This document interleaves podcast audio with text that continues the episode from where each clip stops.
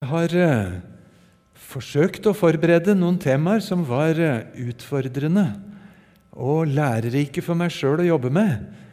Og Så kommer jeg fra et annet sted og vet ikke om jeg treffer det som er hverdagen som bryter på hos dere. Jeg kjenner ikke Bergen godt nok og ikke Betlehem godt nok. Men jeg reiser ganske mye rundt i landet og hører ikke så lite om hva man kjemper med både her og der. Og kanskje er det noe som er gjenkjennelig. Jeg ble født i Japan for uh, drøyt 60 år siden. Og har fått vokse opp delvis i Japan og delvis i Oslo og rundt på Østlandet. Og så har jeg fått studere i Oslo og USA og Tyskland og vært ansatt på Fjellhaug i noen og 30 år og er nå professor i Nytestamentet. Vi har det fint på Fjellhaug med masse studenter. Så dette med en etterkristen tid det er vi dessverre enige om at det stemmer mange steder. Men akkurat min hverdag er at det er stinn fullt av kristen ungdom rundt oss overalt på Fjellhaug. Og det er en fantastisk opplevelse av mennesker som vil noe sammen med Jesus og for Jesus. Og i det ligger det virkelig et håp, for det er ikke det eneste stedet. Så det skal vi få komme litt til. Menigheten som et varmt hjem midt i en kald verden, dyrebare og sårbare kristne fellesskap.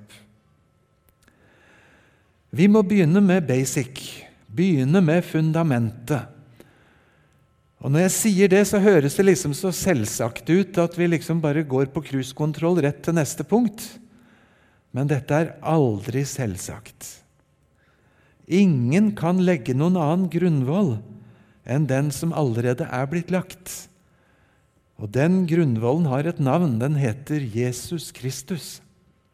Alt som skal bygges i Guds rike, det bygges på den grunnvollen eller bare på sandgrunn. Og Til samme korinterne så sier Paulus og setter det så på spissen som det går an. Jeg ville ikke vite noe annet iblant dere enn Jesus Kristus og ham korsfestet. Ikke denne Supermann-Jesus, superapostelkristendommen, men den Jesus som på et kors snudde verdenshistorien. Så det er et før og et etter. Og sagt med et ordspill på norsk dette er Kirkens være eller ikke være. Og så er det mye vi må snakke om som handler om Kirkens velvære. Men hvis ikke det grunnlaget er på plass, så er alt det andre fullstendig meningsløst. Og det er altså ingen selvfølgelighet. Kjært barn har mange navn. Jeg har lyst til å bruke fem minutter på de uttrykkene som Nytestamentet bruker om menigheten. Og Jeg tenker du kjenner det igjen men la oss legge merke til hvor forskjellige uttrykk og bilder som brukes. Guds folk. Menigheten, det er mennesker. Og dette folket blir omtalt som noen utvalgte mennesker. Utvalgt betyr det at de er favorisert, eksklusive. De er hellige. Det skal vi se mer på i kveld halv åtte. Og så blir de kalt for en forsamling eller en menighet. Og På gresk brukes helt vanlige ord for mennesker som kommer sammen, uten at det nødvendigvis forteller hva de er sammen om. Så bruker særlig Paulus et helt annet uttrykk. Han sier at menigheten er som en kropp. Og Den kroppen har mange organer, mange lemmer, mange små biter som hører sammen like intimt som kroppsdelene hører sammen. Vi parkerer ikke 17 ører i én skuff, og så har vi ti stortær i en annen skuff, og så har vi fem lunger liggende et sted. Eh, absurde bilder, men det er det som er poenget. Eh, du og jeg, vi hører sammen like direkte som forskjellige deler av en kropp henger sammen. Og så er Guds folk det er en familie. Det er noen som sier at det er en surrogatfamilie. Og Det er fordi Jesus en gang ble bedt om å snakke litt ekstra med søsknene sine og moren sin. Og sånn.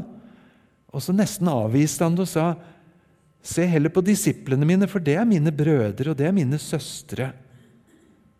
Menigheten blir nesten en viktigere enn den biologiske familien, en surrogatfamilie.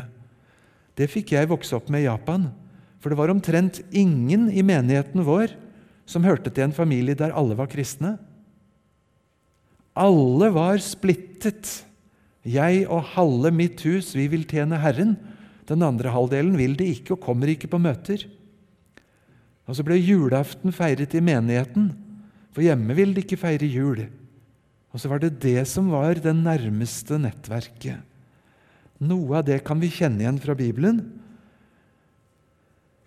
Og så blir Guds folk ofte sammenlignet med et hus, et tempel. Og Et sted så skriver Peter i 1. Peters brev at det er fordi et hus bygges av mange steiner, mursteiner, lekablokker. Og du og du og du er sånne steiner som til sammen utgjør et hus. Ikke bare som en bygning, men som Guds eget tempel. Der han flyttet inn med sin herlighet, der han bodde i det aller helligste. Gud har flytta inn i det huset som er du og jeg, i den menigheten. Og Et sted så bruker Paulus bildet av at én og én kristen er et helt tempel, til og med kroppen. På en sånn måte at hvis en bit av kroppen min lånes bort til verdslighet, så er det som om halve Guds tempel plutselig skulle bukkes vekk til det motsatte. Og så er menigheten det er en saueflokk. Sorry. De hellige samfunn er en saueflokk. De som ikke er hellige, de er sauer, de også. Men de har ikke en hyrde som heter Jesus, men de har ulven til sin hyrde. Men sauer, det er vi, og sauer er de. Og det flotteste vi kan si om oss, det er gjeteren, som er den gode hyrden Jesus. Og så sier Jesus noe veldig rart. Han sier 'Jeg er et vintre'. Hvis du møtte noen ute på Torgallmenningen som skulle introdusere seg og sa 'jeg er et vintre', så høres det litt sært ut. Men vi har hørt det så mange ganger at vi liksom ikke syns det er rart mer. Jeg er et vintre, og dere er greinene. Vi hører sammen like direkte som en grein på en vintre hvis det noen gang skal komme druer. Så tett er vi forbundet. Og så er vi et kongelig presteskap. Vi er konger, vi er prester, uten at vi kanskje ser så veldig rojale ut. Eh, det syns Gud vi er. I hans øyne så er vi konger og prester som representerer ham selv. Og så er vi Kristi brud. Vi er bruden på vei til bryllupsfesten. Og Det er et bilde som både Jesus bruker, og Paulus bruker, og Johannes' åpenbaring, og som det finnes spor av i Det gamle testamentet. Det er noen av de uttrykkene Bibelen bruker om hvem vi er, dette dyrebare og sårbare fellesskapet. Og Nå skal jeg gjøre en vanskelig øvelse. Nå skal vi bla om. Og så skal jeg få lov til å spørre deg hvis du i dag tenker hva er en treffende beskrivelse av Guds menighet på jord? Syns du det ligner et sykehus? Eller en skole? Eller kanskje en barnehage? Er det en krigsskueplass, eller er det en varmestue? Er det et hjem? Er det et kulturhus?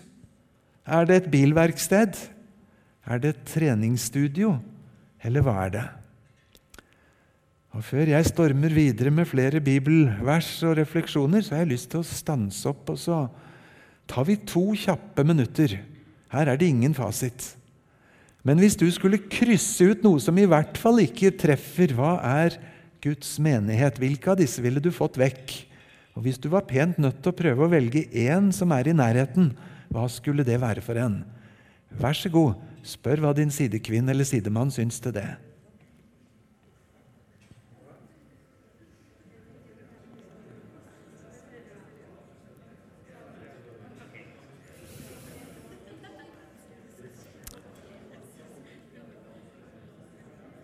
Ja vel, hadde vi vært et politisk landsmøte, så hadde vi stemt fram noe som skulle stå i den neste brosjyren og neste programmet.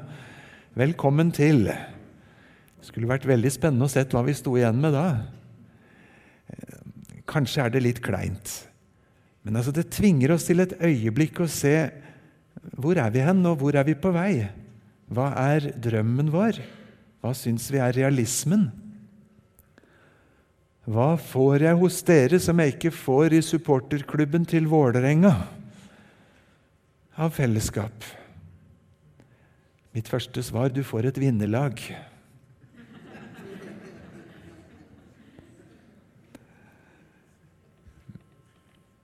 Det står noe i overskriften om å være menighet i en etterkristen tid.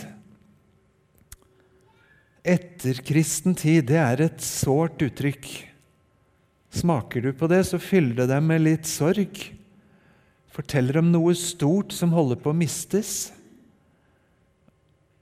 og som er viktig for deg og meg også. Og så syns vi at det er så tragisk. Når jeg hører det, så hører jeg ekko 50 år tilbake på bønnemøtet, der eldre koner og menn lå på kne og ba til Gud du må ikke flytte lysestaken din bort fra oss. Med et uttrykk fra Johannes' åpenbaring, med et høyt trusselnivå, at Gud selv trekker lysestaken vekk, og da blir det mørkt. Nå ligger det til alle tider å forstå seg selv som spesielle, for vi lever i en spesiell tid. Det kan du finne i avisene hver eneste årgang så lenge det har eksistert aviser. Og nå står vi ved et veiskille, hører vi hvert eneste valg. Og i vitenskap og fag så er det et paradigmeskifte som nå. Eh, og det, det, det, er godt at vi opplever det, for det gir oss en alvorsfølelse. Og Samtidig så er det et valg hver eneste dag, med Jesus eller ikke. Og så en masse følgevalg som kommer. Mye er tapt. Men det faller i min lodd å ta imot en masse utlendinger som kommer til Fjellhaug, og vise dem rundt. Og Senest på onsdag kom det en dame fra Japan som kom ens ærende for å takke for evangeliet. 84 år gammel, hennes siste lange reise. For det var dere jeg fikk evangeliet fra. Og når vi hadde vist rundt i fire timer i Oslo og på Fjellhaug, så kom svaret dere har så masse kristendom. Det er ganske overraskende for oss som syns vi mister så mye. Men ungdomsarbeidet vårt med 2000 på UL hver sommer, skolearbeidet vårt med mange tusen hver dag i barneskoler, ungdomsskoler, videregående og høyskoler, folkehøyskoler, det er mye å takke for og fryktelig mye å be over. Men vi ser på lovverket, vi ser på familier som splittes og som kanskje aldri egentlig var skikkelig etablert. Vi ser på TV og hører hva som er liksom medienes dagsorden, og kjenner et gufs. Bibelen har varslet noe som heter endetid, og vi skal være varsomme med å påstå at nå er vi den siste generasjon. Men det vi har hørt i Bibelen, legger et dobbelt alvor. At en gang så går det mot det siste, med trengselstiden, med frafallet og det alvoret som ligger i det. Og så er det likevel noe jeg har lyst til å si som et lite gjensvar. Jeg kan godt huske for 50 år siden, da jeg var en ung gutt. Da snakka de eldre predikantene til oss med litt streng stemme, og de nesten kjefta på oss for at ikke vi var født 50 år tidligere. For da hadde vi kunnet bibelhistorien og kunnet salmer og kunnet katekismen. Og Så vokste jeg som hørte på det, opp nesten med en følelse av at jeg er født 50 år for seint. Nå virker det ikke likevel. Jeg har lyst til å si til dere som er yngre enn meg, tenk ikke på den måten. Og til alle som har fått et oppdrag med å formidle, kom aldri dit hvor du faller for fristelsen til å kjefte på folk fordi de ikke lærte noe hos konfirmantpresten eller på skolen eller på søndagsskolen. Snu det isteden og si 'så bra at dere kommer for å etterfylle det som ideelt sett kunne vært der ifra for lenge siden'. og jeg tror jeg våger å si det høyt Den forholdsvis lille gruppen av norsk ungdom som kommer til oss til Fjellhaug, de kan mye bibelstoff. Jeg er helt sikker på at de kjenner Bibelen vel så godt som jeg og min vennekrets gjorde for 50 år siden. Noen kristne foreldre, noen kristne lærere og menigheter er veldig på for å gi kristen undervisning. Takk for det. Hvor annerledes er tiden vår? Samfunnsviterne kaller det postmodernisme. Det betyr bl.a. at vi er veldig opptatt av innpakningspapiret, image. Det må se skikkelig ut. Det må være proft. Det må være pakket inn på en måte som er spennende og går kjapt. Ting skal være profesjonelt. Men samtidig, i internasjonal kirkeforskning så er det mange som sier at du ser en motsatt tendens. Med sandaler og levende lys. Det er stikkordet noen bruker. Ikke pingpongbord, ikke dataspill, ikke image, ikke et show, ikke en flott scene, men troverdige sandaler og tente lys. Ekthet kan fremdeles smitte og bety noe. I kristen sammenheng er det mange som sier at vanlig forkynnelse vil neppe nå fram. Nå trenger vi apologeter. Det betyr de som forsvarer troen. Og tenker du på rekken av de store apologetene som har stått modig fram og forklart den kristne troen overfor dem som avviser alt sammen, så er det en flott historie. F.eks. C.S. Lewis og mange, mange andre. Og tenk for en velsignelse det er i Norge at vi har en Espen Ottosen som på en vennlig og høflig måte tør å stå for klassisk kristen tro i ganske røffe debatter. Ingen liten bønneoppgave å be fram de som står der, og å støtte dem så langt vi makter. Jo, vi trenger apologeter, men jeg tror ikke det er slutten på forkynnelsen. Aldri i verden. Et sant og ekte vitnesbyrd om hvem Jesus er, like inn i min hverdag, det vil til enhver tid være ferskvare. Vi satt på Fjellhaug og prøvde å diskutere hva slags tid dette var ved nyttår en gang. Og Det var mange flotte ord på hva slags tid vi lever i. Og Så sto plutselig en av kollegene mine fram og sa 'Jeg vet' hva slags tid vi lever i. Og Så leste han det bibelverset dere ser fra 2. Korinterbrev 6. Se, nå er den rette dag. Nå er frelsens dag. Jeg vet noe genuint om denne datoen i oktober 2019. Det er en dag da Guds nåde rekkes til noen som ber om det. For første gang, for tusende gang. Ingenting forklarer bedre hva dette er for en dag. Vi er fremdeles i Herrens nådetid. Det bestemmer hva dette er for et tiår vi lever i.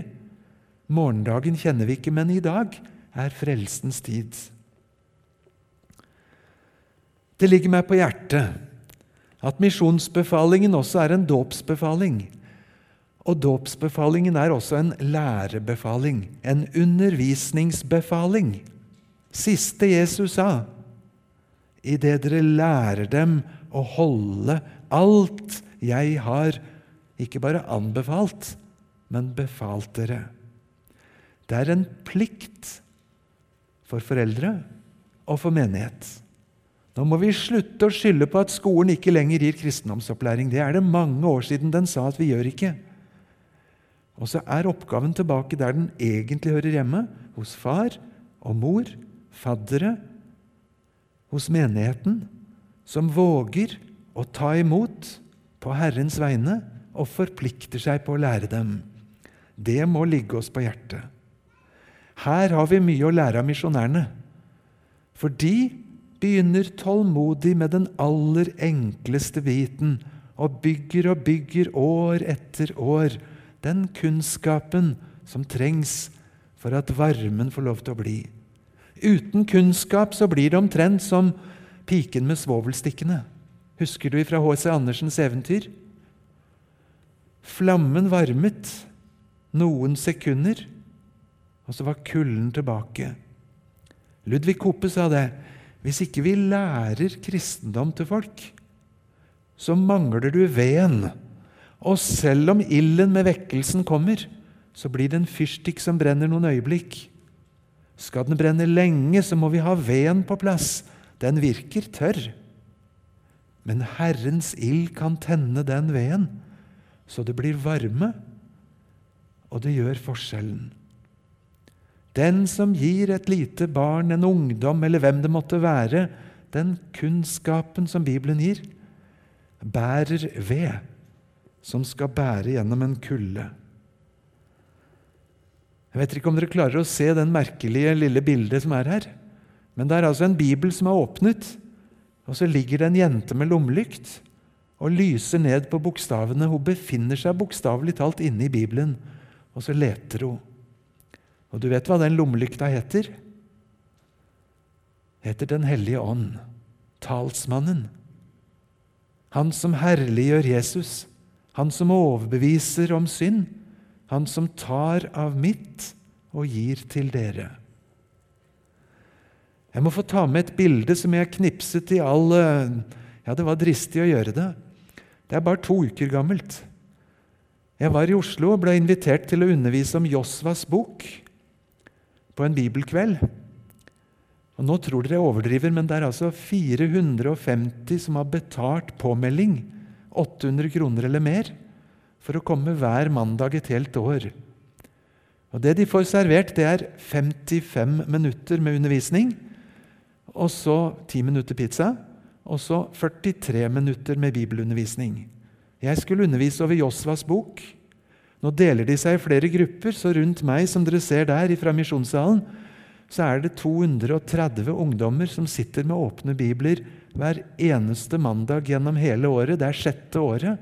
Det vokser bitte litt hvert år. Dette er også 2019. Er det ikke flott? Og så er det hjemmelekse for disse 450 å lese Dommernes bok til neste uke. Og Første Samuels bok til uka etterpå. Og så er det forskjellige lærere som går gjennom dette så mye man rekker på 55 pluss 43 minutter. Fantastiske anledninger. Et helt annet bilde. Det er fra bedehuset hjemme der jeg bor.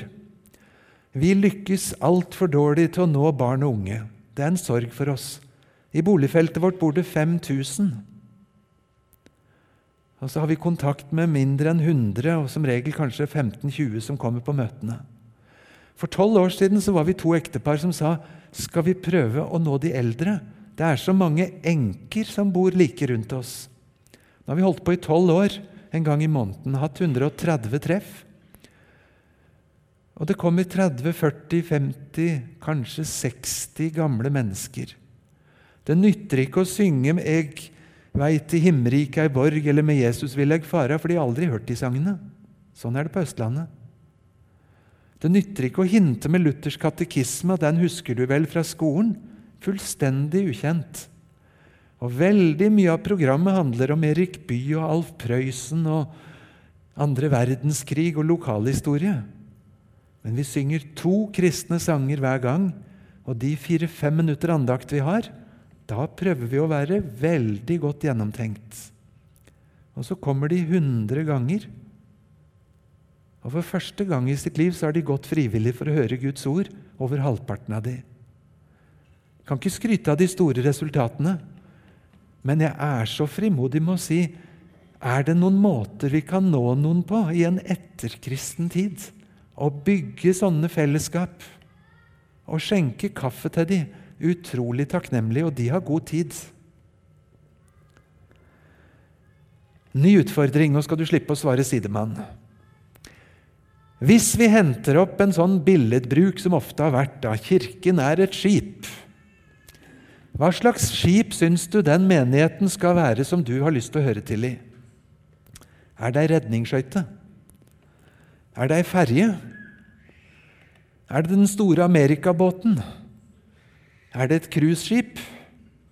Er det ei seilskute? Er det en ubåt? Eller tvert imot et luftskip? Er det en supplybåt? Er det et skoleskip?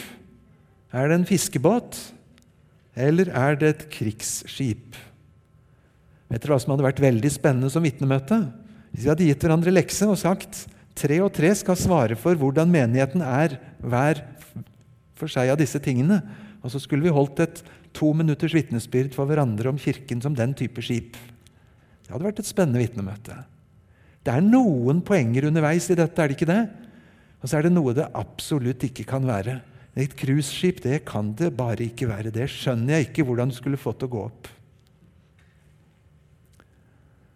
Ikke fordi Herren ikke serverer ordentlig service, men oppdraget er så fullstendig et annet at det krasjer. Altså, jeg har stilt meg selv et rart spørsmål. Det skulle vært veldig interessant å høre deres svar. Hvis Kirken egentlig bare er et mikrofonstativ for å si de riktige tingene fra Bibelen, hva er det vi mister? Sagt på en annen måte Kirken er i stor grad et mikrofonstativ. At Guds ord skal lyde. Men det står mer om hva menigheten skal være, enn et mikrofonstativ som roper noe. Det står om fellesskap, utrustning, om samspill av nådegaver. Vi har alle disse fantastiske hverandre-ordene. Jeg er gammel nok til at jeg lærte en lekse av Carl Fredrik Wisløff, den gamle professoren. Han sa du må aldri prøve å svare hvis noen spør hva er Kirken, for det blir feil åssen du sier det. Men du må kverulere og si 'Hvem er Kirken?' Først når du sier det, så kan du nærme deg et riktig svar. Jeg tror jeg forstår poenget hans. Og den rare krusedullen bak der, den viser at Kirken det er summen av mennesker, én og én og én og én. Nå ser det ikke ut som de har noe veldig behagelig positur der, å stå stille lenge. Men det er vel faktisk et ganske godt poeng. Kirken er ikke hva for noe. Kirken er hvem? Det er de hjertene som Herren har fått frelse, som han har fått flytte inn i. Det er de menneskene som søker Herren. Og så er det et type fellesskap, hvis du ser på den kirken der. Det er ingen av de som står der, som hadde klart å bære hele det tårnet alene. Men sammen så gir det en form for et styrke som forteller noe. Skal vi ta én side av dette? Drømmen om en menighet som favner alle generasjoner. En flergenerasjonsmenighet. Det er et tema over absolutt hele verden i kirkene. Fordi vi holder på å miste det. På en måte som kirkehistorien aldri har kjent det. Og det er ikke bare Kirken, men det er i samfunnet. Hvor er det at alle generasjonene møtes? Snart ingen steder. Hvilket program på TV er det alle generasjoner har sett? Ingen. Vi blir så putta i hver vår greie at selv når vi søker sammen som Guds folk, så møtes vi i det samme rommet, men som regel til hver våre tider. Jeg håper det står bedre til her. Men det er en verkebyll for Guds folk at generasjonene møtes ved siden av hverandre, men ikke sammen. Sagt på en annen måte vi må gjøre alt vi kan for å bygge Guds folk sammen, sånn at ikke det blir lagdelt, og at ikke vi vet om hverandre. At vi må vise bilde av de som var her i går, for å si vi hører sammen. For sånn som Bibelen taler, så står det her er ikke jøde og greker, trell eller fri, mann og kvinne. Vi er alle ett i Kristus. Men hvis vi møtes annenhver dag på samme sted, så kjenner vi ikke hverandre. Jeg syns det er rart at når vi alle sammen er enige om at musikkstil og form, det må vi tåle litt variasjon i, så ender det med at vi får det ikke til. Vi møtes hver vår gang litt i hver vår stil de aller fleste ganger. Og Da må jeg snu og si, Sverre, hvor mye er du villig til å tåle annerledes? Hvis gitarmusikken er så ustemt at melka surner i kjøleskapet på bedehuset, tåler du det? For å møte vitnesbyrdet om Jesus, eller fomlinga med teknikken, er det blitt så viktig? Må det være så akkurat på plass at jeg velger et annet sted hvis det ikke matcher min tanke? Jeg har ikke lyst til å bli sånn, men jeg kjenner en viss fristelse. En menighet som er varm og dyrebar og har plass for oss alle sammen, og som faktisk har bruk for oss alle sammen. Hvem meldte meg inn? Hvis du husker det når du legger deg i kveld, kjenn etter. Opplever jeg min menighet mest som en gave eller mest som en oppgave? Jeg håper det er begge deler. Men det kan være tankevekkende å si hvilken av de to er det som egentlig legger seg tyngst på meg og utfordrer meg mest. Om bitte litt så har jeg lyst til å vise dere noen bibeluttrykk om hverandre. Men vi er altså lemmer på én kropp. Og Likevel så møter jeg ikke så få som sier nå er jeg et sted i livet hvor jeg ikke orker å bidra noe særlig. Får jeg lov å komme likevel? Hvis jeg absolutt skal være et organ på den der kroppen, tror du jeg får lov til å være blindtarm? Du hører sårheten og selvbildet som ikke tenker stort om seg selv, og du har lyst til å si noe fint. Men det er lov, for livet er noen ganger sånn at vi skal få lov å komme og være tilhørere. Ikke for alltid, men fordi livet er tungt, så ikke jeg makter å løfte og bære. Og så kan det hende du likevel er med og løfter og bærer for Herren uten å se det selv. Hva skal jeg gi til fellesskapet, og hva får jeg ut av fellesskapet? Her er det 1. Peter 4. Vi skulle hatt en hel bibeltime bare på den fantastiske teksten. Den er så fargerik at jeg måtte finne fram hele paletten. For det er så mange ord som liksom bærer teksten. Det er altså sånn at enhver har fått en nådegave. Hva er en nådegave? Åssen vil du si det? Du som kan litt engelsk, du vil ikke kalle det for en grace gift? En gnadengeschenk på tysk? Nådegave er smør på flesk, men det er det som er poenget. Det derre nåde, nåde, nåde, nåde opphøyd i sjuende potens, som havna i fanget på deg fra Gud. Det som gjør deg til et Guds barn. Du fikk så masse at det er bare å dele ut. Og det tenkte Jesus. Og så skal du tjene de andre med det. Enten det er en sånn type gave som handler om ord, eller en som handler om ymse tjenester. Men grunnleggende sett så er det ikke tilskuer den teksten snakker om, men deltaker. På Fjellhaug så har det bildet der hengt på gangen blant oss lærerne. sånn, Hva er det vi utdanner til? Utdanner vi misjonærer og prester og lærere og pastorer som skal underholde en kinosal hvor alle sitter med en fjernkontroll og trykker ut eller inn? Altså en sånn forbrukertanke hvor vi skal ha en fantastisk leder og ungdomsleder og møteleder og predikant sånn at ingen zapper videre. Vi hører hvor feil det blir. I en menighet der er det meningen at vi skal slippe til. Og Så må jeg likevel få lov å si et lite ord om det. Ingen av oss kan slippe til hele tiden. En menighet er ikke først og fremst en arena der du får vise fram alt det Gud har gitt deg. Det er en sykdomstegn hvis ingen spør etter det du kan bidra med.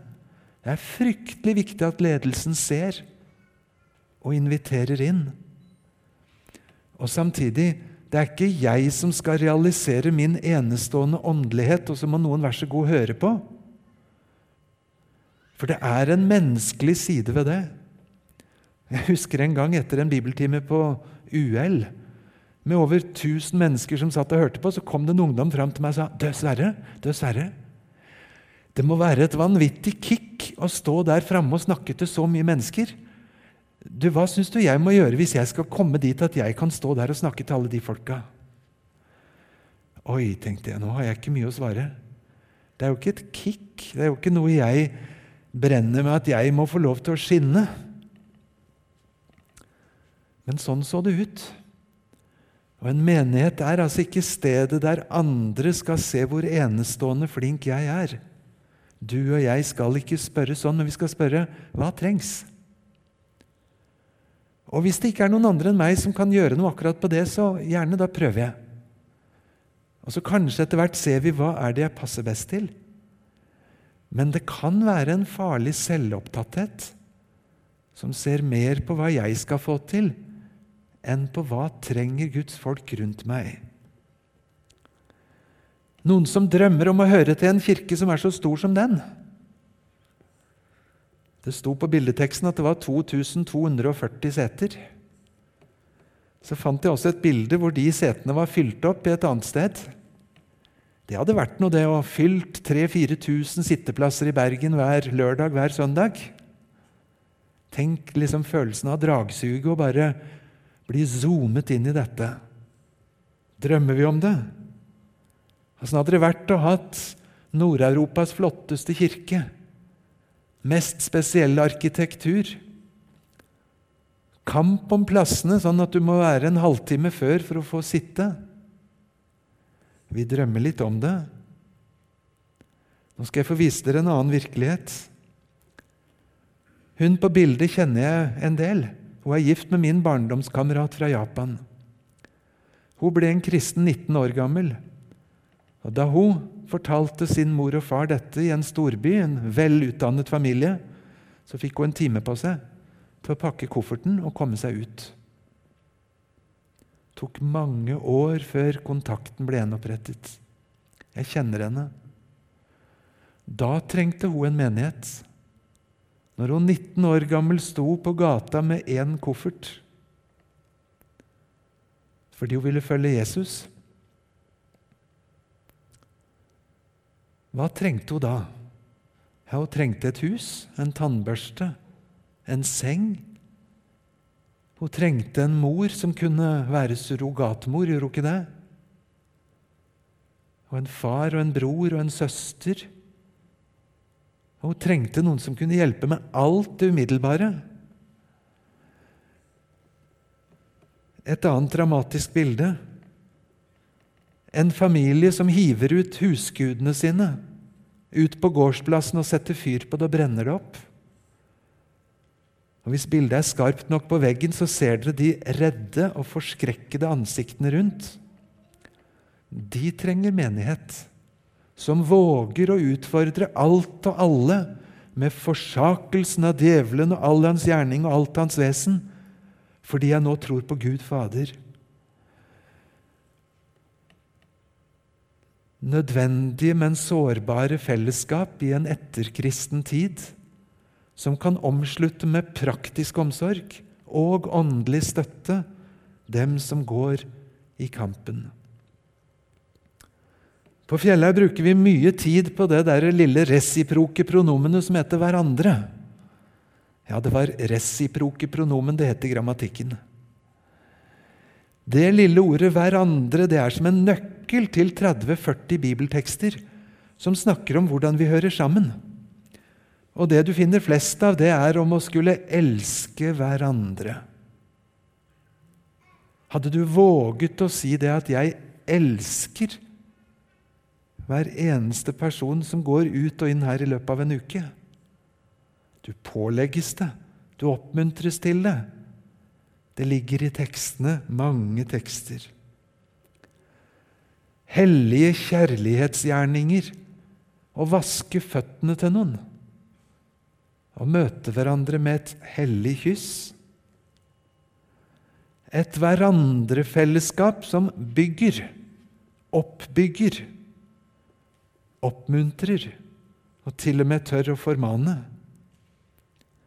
Forman hverandre hver dag så lenge det heter i dag, for at ingen av dere skal bli forherdet med syndens svik. Det som står på veggen der, det er det som på godt gammelt bedehusspråk heter vitnemøte. det er at vi har noe å si til hverandre. Noe som ligger oss på hjertet, en advarsel, en oppmuntring, en flott hendelse, et bønnebehov. For vi hører sammen, og så sier vi det til hverandre. Og så er det enda mer enn det du får plass til i et vitnemøte, for noe må være bare to og to mellom. Og så står det om noen fellesskap som trues, hvor man dømmer hverandre, hvor man sprer usanne rykter og lyver på hverandre, og baktaler, som sukker og stønner mot hverandre. Og da sier Guds ord da må vi heller prøve å bære over med hverandre i kjærlighet. Og klarer vi ikke det, så får vi i hvert fall prøve å tåle hverandre Hører du hvordan listen legges litt lavere? Og I Galatia så ble konflikten så fryktelig at Paulus sier når det nå er sånn at dere driver og biter etter hverandre i Galatia, så får hver prøve å passe på at dere ikke blir totalt fortært av hverandre. Jeg syns på en måte det er noe befriende i en bibel som det ene øyeblikket legger lista der oppe om å elske hverandre inderlig, og i neste omgang vet at kristne fellesskap er sårbare. I Galatia gikk det så langt at de biter etter hverandre og spiser hverandre. Og så er Paulus sitt mål at ikke de må klare å spise noen aldeles opp. Noen smuler må det få lov å være igjen. Er ikke Bibelen interessant? Som kan tale så variert om å tilgi hverandre. Så mange steder at jeg fyller veggen bak her om å være god, varmhjertet, barmhjertig, med samme type tilgivelse som Gud møtte deg med og meg, skal vi møte hverandre og bekjenne våre synder for hverandre. Hører du forskjellen på om det sto 'Nå må dere formane de andre', istedenfor 'Nå skal dere formane hverandre'? Nå skal du tilgi de andre. Da høres det jo ikke ut som ikke jeg trenger noe tilgivelse. Men i Bibelen står det om å tilgi hverandre. Om å trøste hverandre, hjelpe hverandre, for jeg trenger hjelp. Dess mer du leser hverandre-ordene, dess mer ser du at menighetens hverdag det går også oss imellom. Ikke bare den flinke pastoren som står høyt hevet på et podium og belærer de andre, men han er selv en som trenger å bli belært formant, møte tilgivelse og møte oppmuntring. Nå skal vi snart runde av her fra min side, men en refleksjon. Var det noen av disse hverandre-ordene som du kunne hatt lyst til å husket utenat etterpå i kveld? Hør med en sidemann. Det gikk litt fort, dette her.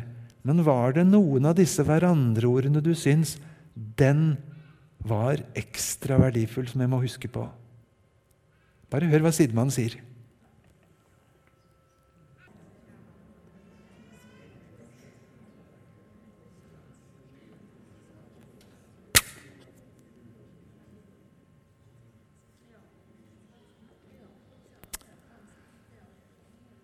En siste påminnelse til meg selv og til dere. I det viktige siste store oppgjøret har vi lyktes som menighet. Det ser vi på den store regnskapsdagen. Det er sluttsummen på kassalappen som teller, skjønner du hva jeg mener? Vi kan ha noen praktfulle kirkebygg, noen fabelaktige årsmeldinger. Vi kan gå med overskudd. Men Herrens perspektiv, det virkelig avsluttende tallet, det ser vi på den siste dagen. Var det mye, mye mer jeg gjerne skulle ha føyd til? Men jeg tror det kunne vært spennende hvis det blir litt tid til en samtale eller noen spørsmål, Ruben. Nå skal jeg prøve å holde kjeft litt.